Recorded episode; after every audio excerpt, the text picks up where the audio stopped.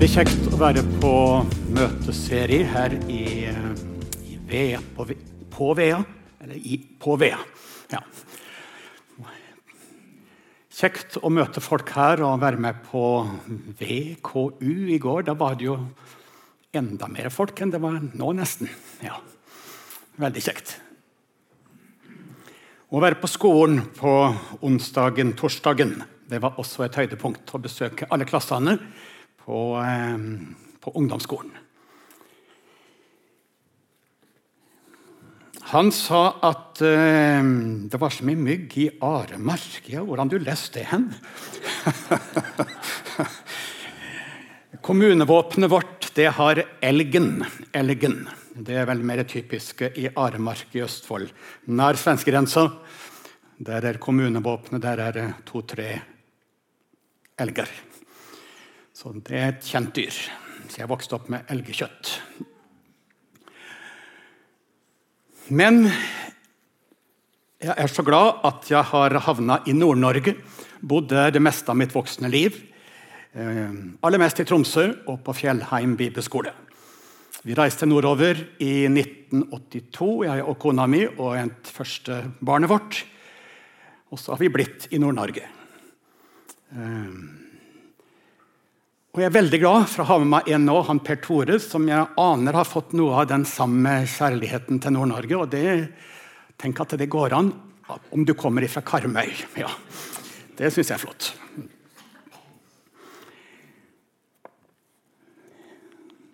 Fjellheim bibelskole. Um, I år har vi en liten bibelskoleklasse, og så har vi et stort andre år vi kalte det en forkynnerklasse. Det er nok ikke akkurat Ja, det er både òg. Men eh, det er alle slags eh, eh, hjelp til å dele evangeliet med andre på mange ulike måter. Og så er det en del som ønsker å ha konkret hjelp til eh, forkynnelse av Guds ord. Per Tore er en av disse. Samtidig som han går på teologistudiet i Oslo. Um, jeg var litt bekymra. Det var litt sånn dalende elevtall. Men nå til høsten så har vi egentlig et kjempebra søkning. Så nå er det full fart oppover igjen. Det er lenge siden vi har hatt så god søkning som til neste skoleår. Da håper vi at det blir helt fullt. Vi er spent på nå om vi kan ta inn alle som søker etter hvert. Et sted mellom 50 og 60 elever håper vi på. Det er mye for oss. Vi ønsker at Fjellheim bibelskole skal være en skole hvor de får reise til Mongolia. Ikke mange. Eh, men å se misjon på nært hold ut mot unådde folkegrupper. Og der det er behov for å forkynne evangeliet på en særlig måte. Vi har flere ulike misjonsland som vi reiser til. Vi reiser mye i Nord-Norge. Tidligere reiste vi også til Russland. Nå er det litt vanskelig. Ellers så reiser vi til Nord-Sverige, Nord-Finland, Island eh, på utreiser. Og i Nordland, Troms og Finnmark.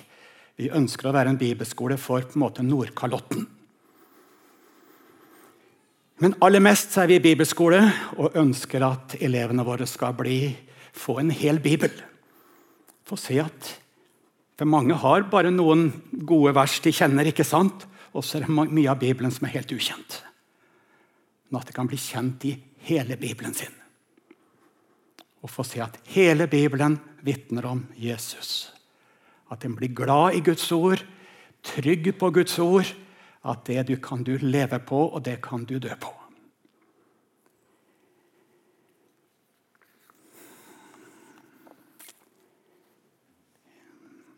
At evangeliet liksom får lyse inn i hjertene. Det er det aller største som kan skje på en bibelskole. Og så at det kan bli ei tru som tåler livet. Både i gode og onde dager. For det hjelper ikke om en er frimodig i ungdomstida hvis de ikke på en måte tåler den tøffe virkeligheten som kommer seinere i livet. Så det er i hvert fall vårt mål og et ønske og vår bønn at det må bli ei tru som kan bære gjennom livet. Vi ber for eh, det vi skal høre fra Bibelen. Kjære Jesus, takk for denne flotte forsamlingen her på Vea. Takk for alle ungene som nå er på søndagsskole og forskjellige barnegrupper. Vi ber at du velsigner de rikelig. At de kan bli bevart og, og vokse i trua på deg. Og så ber vi, vi som er her, om åpne hjerter. Det er du som må åpne hjertene våre med din Hellige Ånd. Og legge ditt ord inn i det djupeste i våre hjerter. At vi får se deg, Jesus, møte deg. Det ber vi om. Kom med din Hellige Ånd og ta det inn i våre liv. Vi ber i Jesu navn. Amen.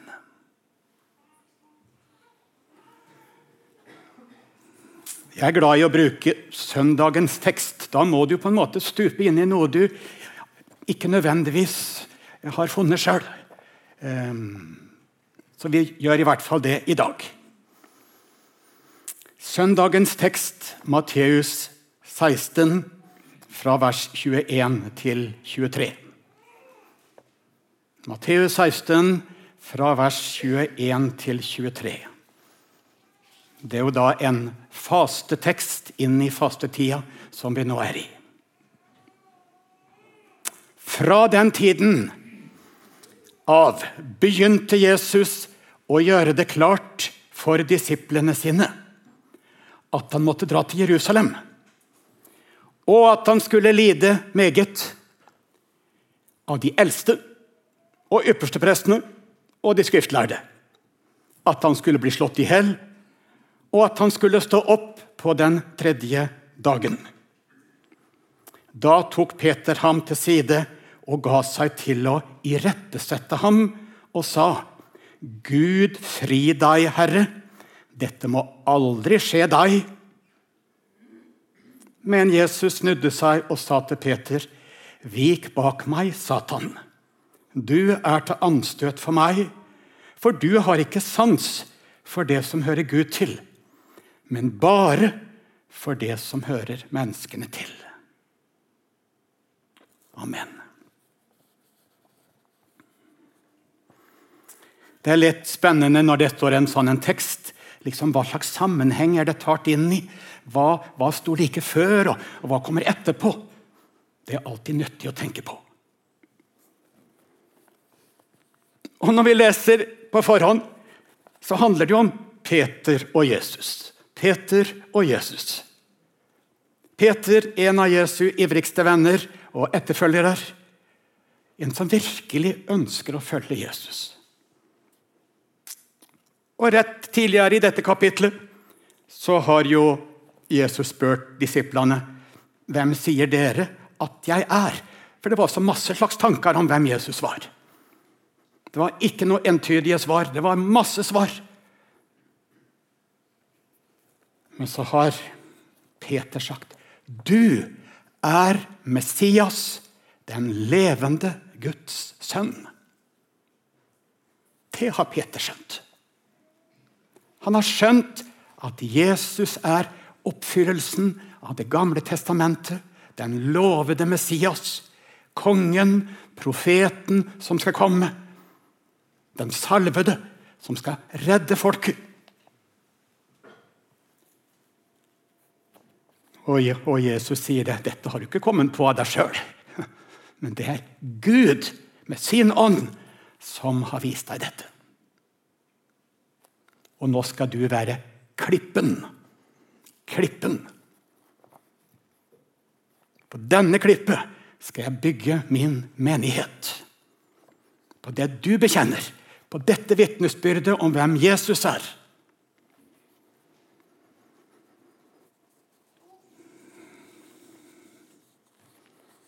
Jesus har sagt at han er salig. Du er, du er frelst. Du tilhører Gud. Du har livet.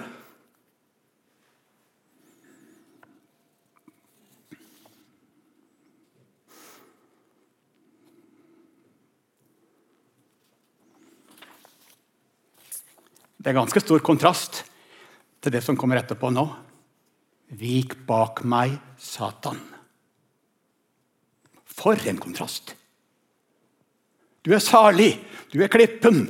På deg skal jeg bygge menigheten min. Vik bak meg, Satan. Oi, voldsomme kontraster. Satan betyr motstander. Det er jo det gammeltestamentlige ordet for djevelen. Det står djevelen i Nytestamentet, og står det Satan i Det gamle testamentet. Motstander.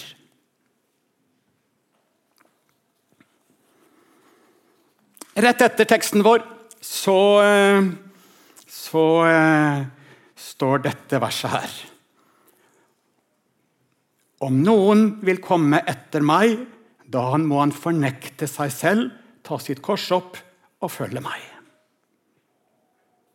Før teksten vår så står det om det fine som Peter har fått tak i, og at han er en salig mann, og at Jesus anerkjenner han som en levende kristen. Og etterpå så kommer kallet til å følge etter Jesus i et selvfornektende liv, i etterfølgelse av Jesus. Og så er denne rare teksten midt inni her.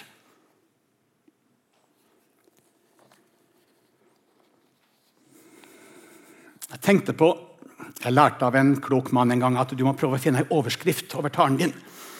Det er ikke alltid så lett. Ofte har jeg tre-fire overskrifter. Men hvis jeg skal ha en overskrift over denne talen nå Kanskje det blir hmm, Han som tenkte han visste bedre enn Gud. Han som tenkte han visste bedre enn Gud. Det var i hvert fall den faren som eh, Peter var innom. Han som tenkte. Han visste bedre enn Jesus. Altså, det går an for en levende kristen, en som oppriktig vil følge Jesus, å komme inn i denne tankegangen Jeg tror jeg vet bedre enn Jesus. Det er en kjempefare for deg. For deg. Og en kjempefare for meg. Jeg tenkte jeg visste bedre enn Jesus om mange ting. Ja, om det djupeste.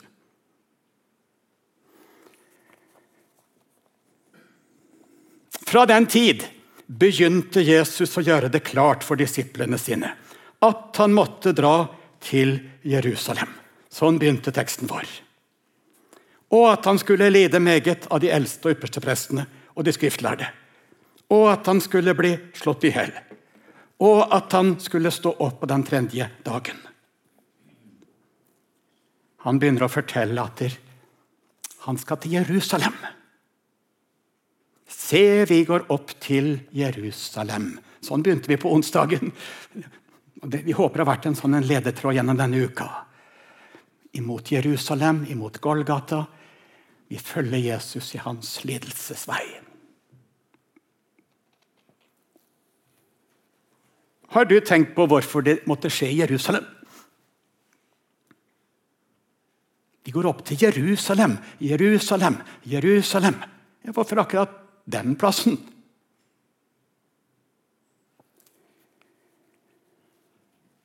Paulus sier en plass det, skjedde, det, det som har skjedd i vår historie. Guds sønn som kom til verden, døde og sto opp igjen. Det har ikke akkurat skjedd i en avkrok. Det skjedde ikke i armark, liksom. Nei, det, det, det, det kan hende til en avkrok. Se på nyhetene. Er Jerusalem en avkrok? Nei. Det er midtpunktet i verdens interesse. Der skjedde det. Der skjedde det. Midt i historien, midt i vår verden. Der kom Gud. Der kom Gud.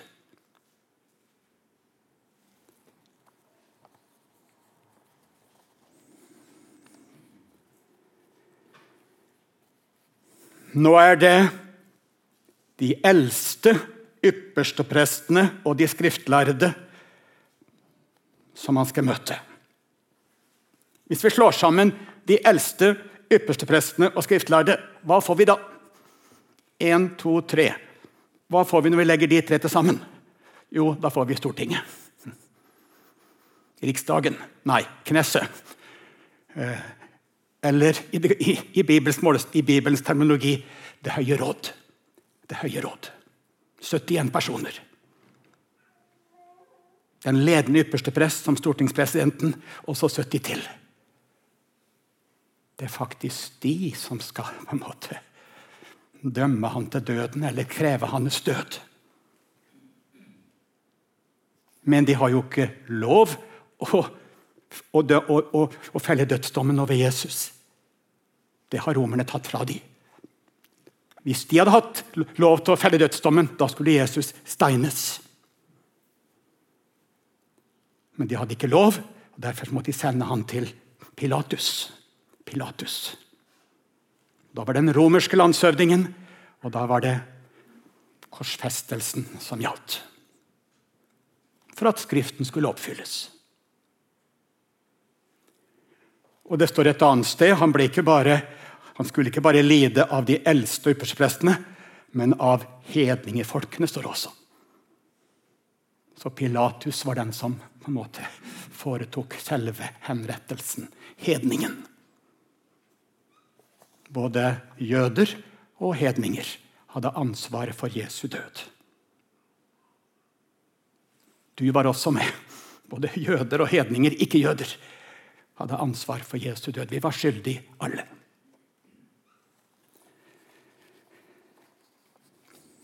Jeg tenker en ting til. Hvorfor måtte det skje i Jerusalem? Hvorfor måtte det skje i Jerusalem? Det var jo der Abraham ofra Isak, eller skulle ofre Isak. Det var jo der tempelet skulle bygges. Det var jo der Gud skulle åpenbare seg. Gjennom hele Bibelen. Det er en ting som jeg tok litt tid før jeg lærte. og Det var dette. Det står Jeg løfter mine øyne opp til fjellene. Jeg løfter mine øyne opp til fjellene. Hvor skal min hjelp komme fra? Og Jeg tenkte jo da på Nord-Norge og høye fjell. og liksom Å se opp til fjella og se på den flotte naturen. Og Det er jo fint å se Gud i skaperverket. Men det er jo ikke akkurat det det betyr, da. For det er jo opp til fjellene. Da er du på vei opp til Jerusalem, ikke sant? Der Gud har lovt å møte oss. Jeg løfter opp mine øyne opp til fjellene. Opp der Gud vil møte oss. Og når vi løfter våre øyne opp til fjellene i dag Det blir ikke noe fjell å se på på Karmøy heller, da, men det knappast. Så jeg liksom ikke reise inn i landet og se på høye fjell. Men det er jo å løfte sine øyne dersom Gud har lov til å møte oss. Og dersom Han har åpenbart seg på, på Golgata, for Han har virkelig vist hvem Han er. Løfte sine øyne mot Golgata, der Jesus åpenbarer både dom og frelse over for vår synd. Synda får sin dom, og jeg blir redda ut.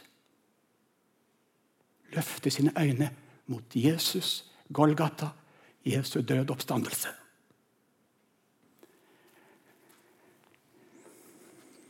Og så er det én ting til med Jerusalem.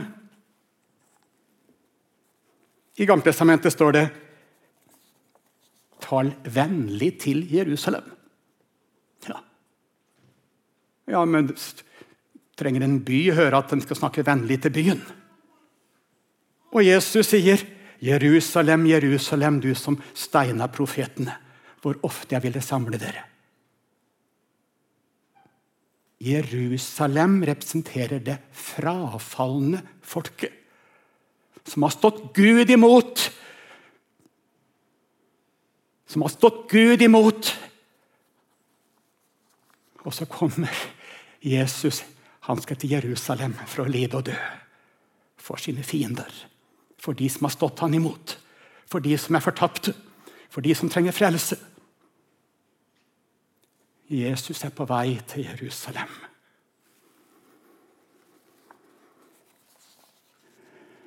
For å lide. For å lide, sier han. Lide og dø og stå opp igjen på den tredje dag.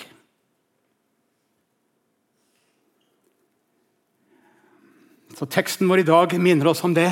Jesus går til Jerusalem for å lide, for å dø, for å stå opp igjen til et nytt liv, til et evig liv for oss.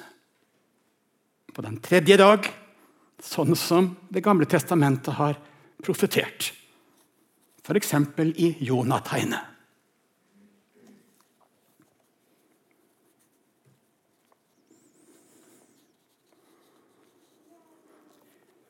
Jesus forklarer ikke hele evangeliet for Peter her.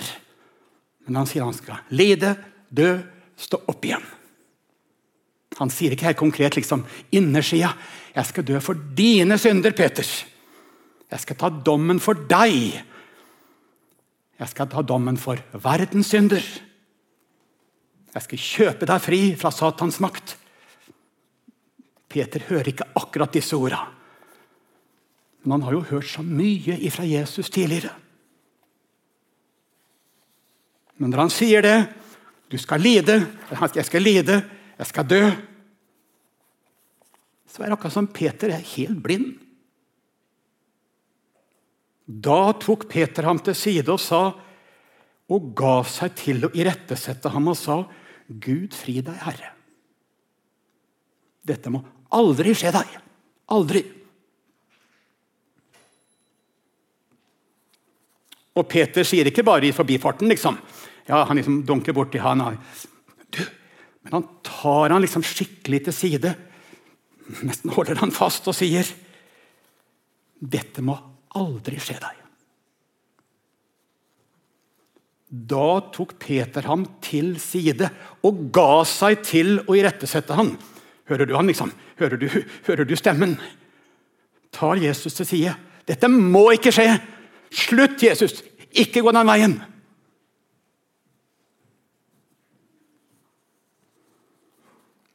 Jesus vet jo ikke sitt eget beste. Dette blir jo katastrofe. Skal du som er Guds sønn, som er Messias, skal du la deg drepe, henrette? Nå må du komme til fornuft.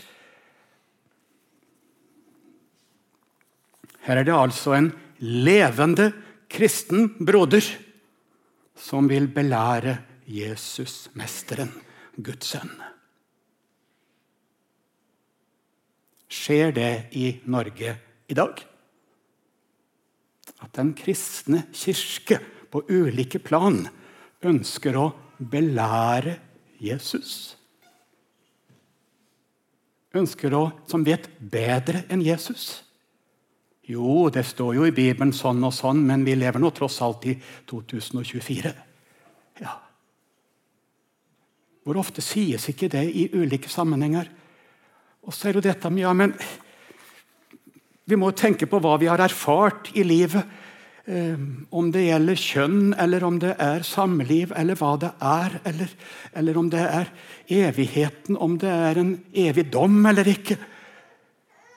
Vi må jo tenke på at det der ble skrevet for så og så lenge siden, og, og nå lever vi i 2024. Og vi vet jo bedre enn som så nå. Merker du hvordan det gjennomsyrer liksom hele kulturen vår? Hele den vestlige kultur, som skal belære Jesus, belære Guds ord, som vet bedre enn Gud. Det er jo ikke noe nytt. Det, det, det ligger jo dypt i allerede hos Peter. At korset er så viktig. At alt står og faller med Jesu kors. Nei, det må ikke skje deg, sier Peter. Du, du, kan jo være vår venn likevel og være Messias uten at du må akkurat dø på det korset.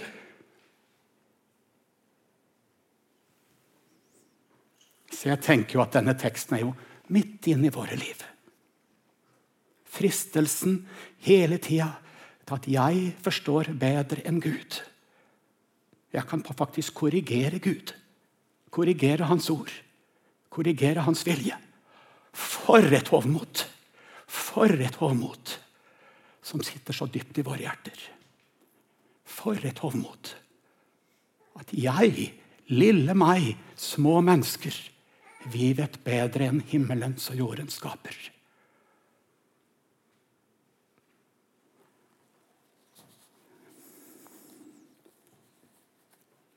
Har du oppdaga, har du skjønt, har du merka at du har den fristelsen i ditt eget hjerte? At den sitter dypt i deg, og den sitter dypt i meg. Syndefallet handla om at mennesket ville være Gud sjøl. Du skal bli som Gud til å kjenne godt og ondt. Du trenger ikke noen over deg. Det er du som forstår det. Det er du som vet det. Jeg vet best, også når det gjelder de viktigste tinga i livet.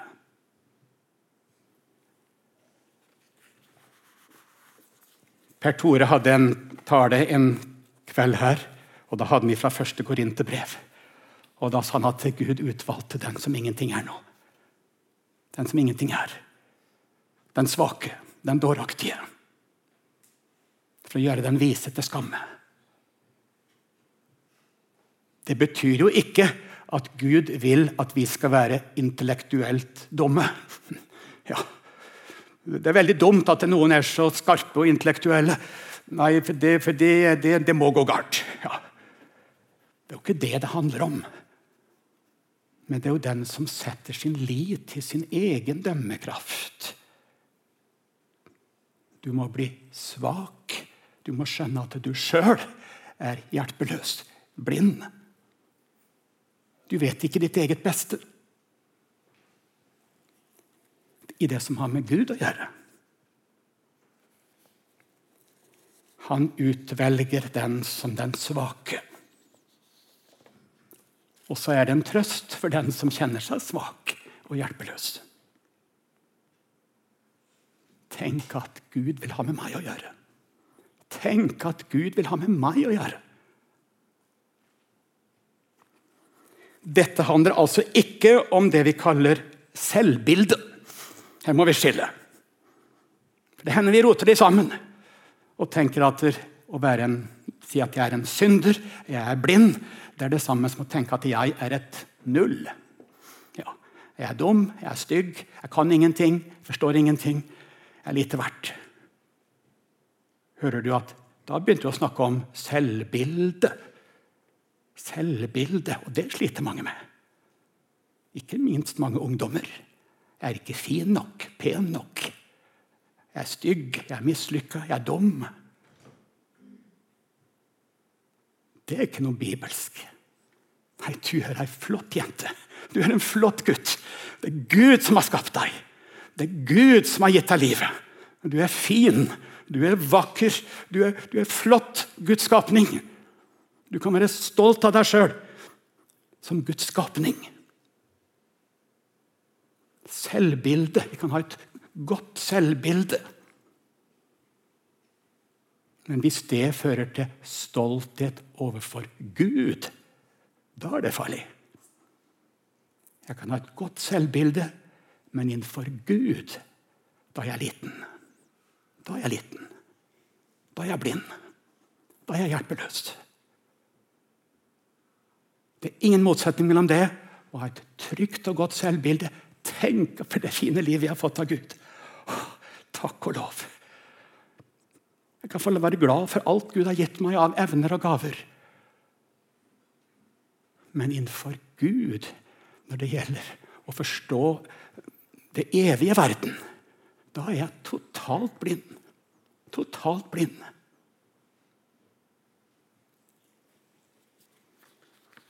Da er det sånn Herre, la meg få se. Åpne øynene mine, Jesus. Det er bare du som kan åpne mine øyne.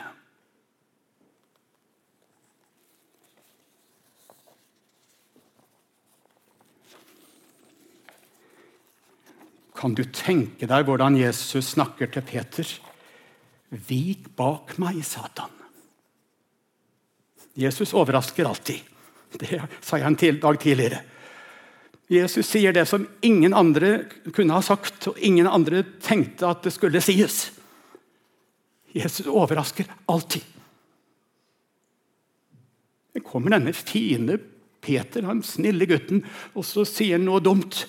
Og så Ja, ja, ja, ja, ja Peter, slapp av, slapp av. Og så kommer Jesus. Vik bak meg, Satan. Når du prøver å få meg bort fra Golgata-veien, så er du et djevelens redskap.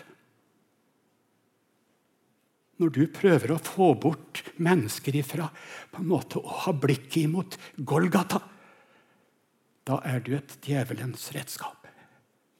For det er jo der vi skal se. Og så plutselig blir denne kristne broderen der og da et redskap for den onde. Han er jo ikke en Judas. Judas der hadde Satan fore inn i han. Han levde i synd. Han levde i synd. Det kan nesten se ut som Satan nesten tok bolig i, i, i, i Judas.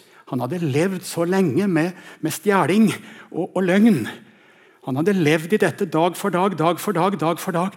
Og til slutt så var han en totalt slave under, under dette. Og han var ikke en Jesu venn lenger. Peter han er en Jesu venn. Men der og da så blir han faktisk et redskap for den ånde. Ja, det kan skje da, for en, for en kristen, også her i dag. Jeg kan si ting, gjøre ting, veilede på en sånn måte. Der og da så blir jeg faktisk et redskap for den onde. Uten at jeg mente det. Men jeg vil på en måte hjelpe mennesker til en snillere vei. Eller, men jeg, jeg tar, på en eller annen måte så, så tar jeg blikket deres bort ifra, ifra veien til Golgata. Åh, må Gud hjelpe oss at vi ikke er sånne. At vi er minst mulig sånne redskaper. Men det skjer. Og så må jeg bekjenne 'tilgi meg, Jesus'.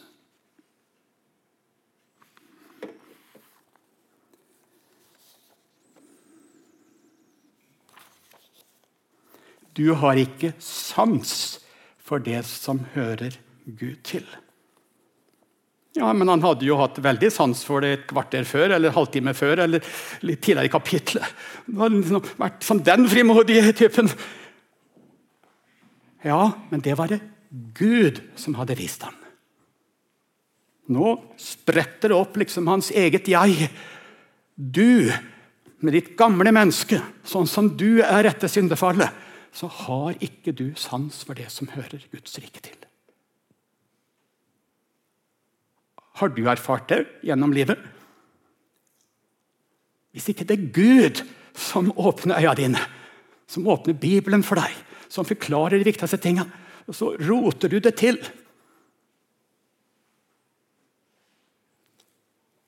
Så begynner du å tenke oi, jeg kan ikke være en kristen sånn som jeg er. Sånn kan du rote det til. Eller det er ikke så farlig å synde. Det er ikke så farlig å gjøre det eller det. Du roter det til på en eller annen måte. Det må nå være noe som er viktigere enn akkurat dette med Golgata. og liksom å, å, se hans frelsesverk. Liksom, det der er jo noe jeg har lært tusen ganger. Jeg må jo på en måte komme noe videre i hva jeg skal være opptatt med.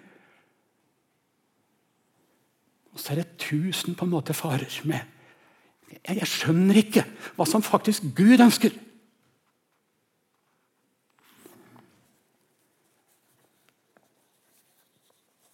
La meg få syn igjen, sier en blind mann til Jesus.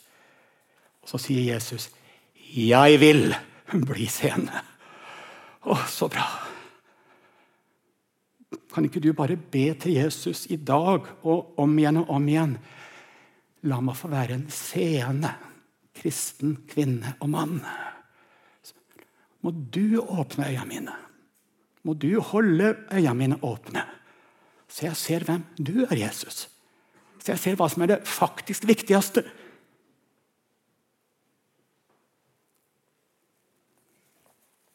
Tenk på å få lov å se inn i det her. Jesus går opp til Golgata. Og så tar han hele mitt liv og nagler til korset. Den synda som jeg skammer meg mest over. Den jeg har gjort for tusende gang, som jeg tenkte at det ikke fins tilgivelse for. Den tar Jesus dommen for. Og så kjøper han meg 100% fri. Det er fullbrakt. Og så står Jesus opp igjen, for døden klarer ikke å holde på Jesus. Han har sona synda, det er betalt. Og så står Jesus opp igjen. Og så får jeg Jesus sitt liv. Både utafor meg og inni meg. Jeg får den hvite drakta. Jesus sitt rene, hellige liv oppreiste vår rettferdiggjørelse. Og så får jeg faktisk Jesus sitt oppstandelsesliv inni meg. Vi snakker om å bli født på ny. Det er jo ikke at du liksom har blitt sånn gradvis bedre. Du var ikke helt bra, men så fikk du litt Guds hjelp, og så ble du litt bedre, og så ble du født på ny. Nei, du, du får jo et helt nytt liv. Jesuslivet. Jesuslivet. For en nåde! At det ikke er du som skal liksom få til det nye livet. Men tenk at du får Jesuslivet. Hans kjærlighet utøst i ditt hjerte ved Den hellige ånd. Et nytt liv fra himmelen som gis deg. Jesus bor i deg, men Den hellige ånd bor i deg. Og så er det nåde, nåde, nåde. Og så nå skal du leve det livet i etterfølgelse av Jesus. Det var jo det som kom etterpå. Det som ikke het 'Å, jeg får et nytt liv', og så tilbake liksom, i sofaen og på en måte bare tenke 'Verden suser', som man bruker å gjøre. Liksom. Og så, så, har ikke du noe med det å gjøre i hele tatt. Men da er jo du inne i et nytt liv, og du vil følge Jesus. I hjemmet ditt, på skolen, på arbeidsplassen, i ulike tjenester i forsamlingen. Du har lyst til å følge han. Villig til å fornekte noe i deg sjøl. Villig til å ofre noe. Du skal ta vare på familie, hjem, fritid eller på en måte arbeid og hvile. Men det er, en, det er noe som koster å følge Jesus etterpå.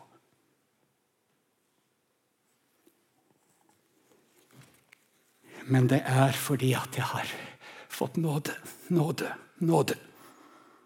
Tenk at Jesus elsker meg. Han bor i hjertet mitt. Han bor i det djupeste hjertet og forteller du er dyrt kjøpt, du er dyrt kjøpt. Jeg elsker deg, jeg har kjøpt deg. De svarteste dagene så er jeg din frelser. Jeg har bytta plass med deg, jeg tok alt ditt, og så får du alt mitt. Og så vil Jesus bo i hjertet ditt. Ved sin nåde, med sin ånd. Og så skal du vise Jesus til andre mennesker med, med livet ditt. Like ut til enden av jorda. Vi ber i sammen. Kjære Jesus, takk for at det er bare du som kan åpne blinde sine øyne. Jeg har så lett for å ligne han Peter. Han prøver å hjelpe deg med mange ting, og så blir det bare rot. Kjære Jesus, hjelp oss å få det avslørt at vi ser noen ganger at vi, vi, vi tror vi vet bedre enn deg. Forbarm deg over oss. Forbarm deg over oss, Jesus, og la oss få bøye kne for deg på nytt igjen. Vi som tror vi vet så mye og kan så mye. Men la oss få ta imot din nåde på nytt i dag. Vi har lyst til å være på kne for deg og ta imot all din tilgivelse for alle våre synder. Den hvite drakta og det nye livet, Den hellige ånds gave. Og alt det som du leder oss inn i i livet vårt. Må du ta deg av familiene våre, dem vi er glad i. Alt som er vanskelig, som vi strever med alle konflikter, all nød, all smerte. Må du komme med din legedom inn i vår nød. Vi ber om det i Jesu navn. Amen.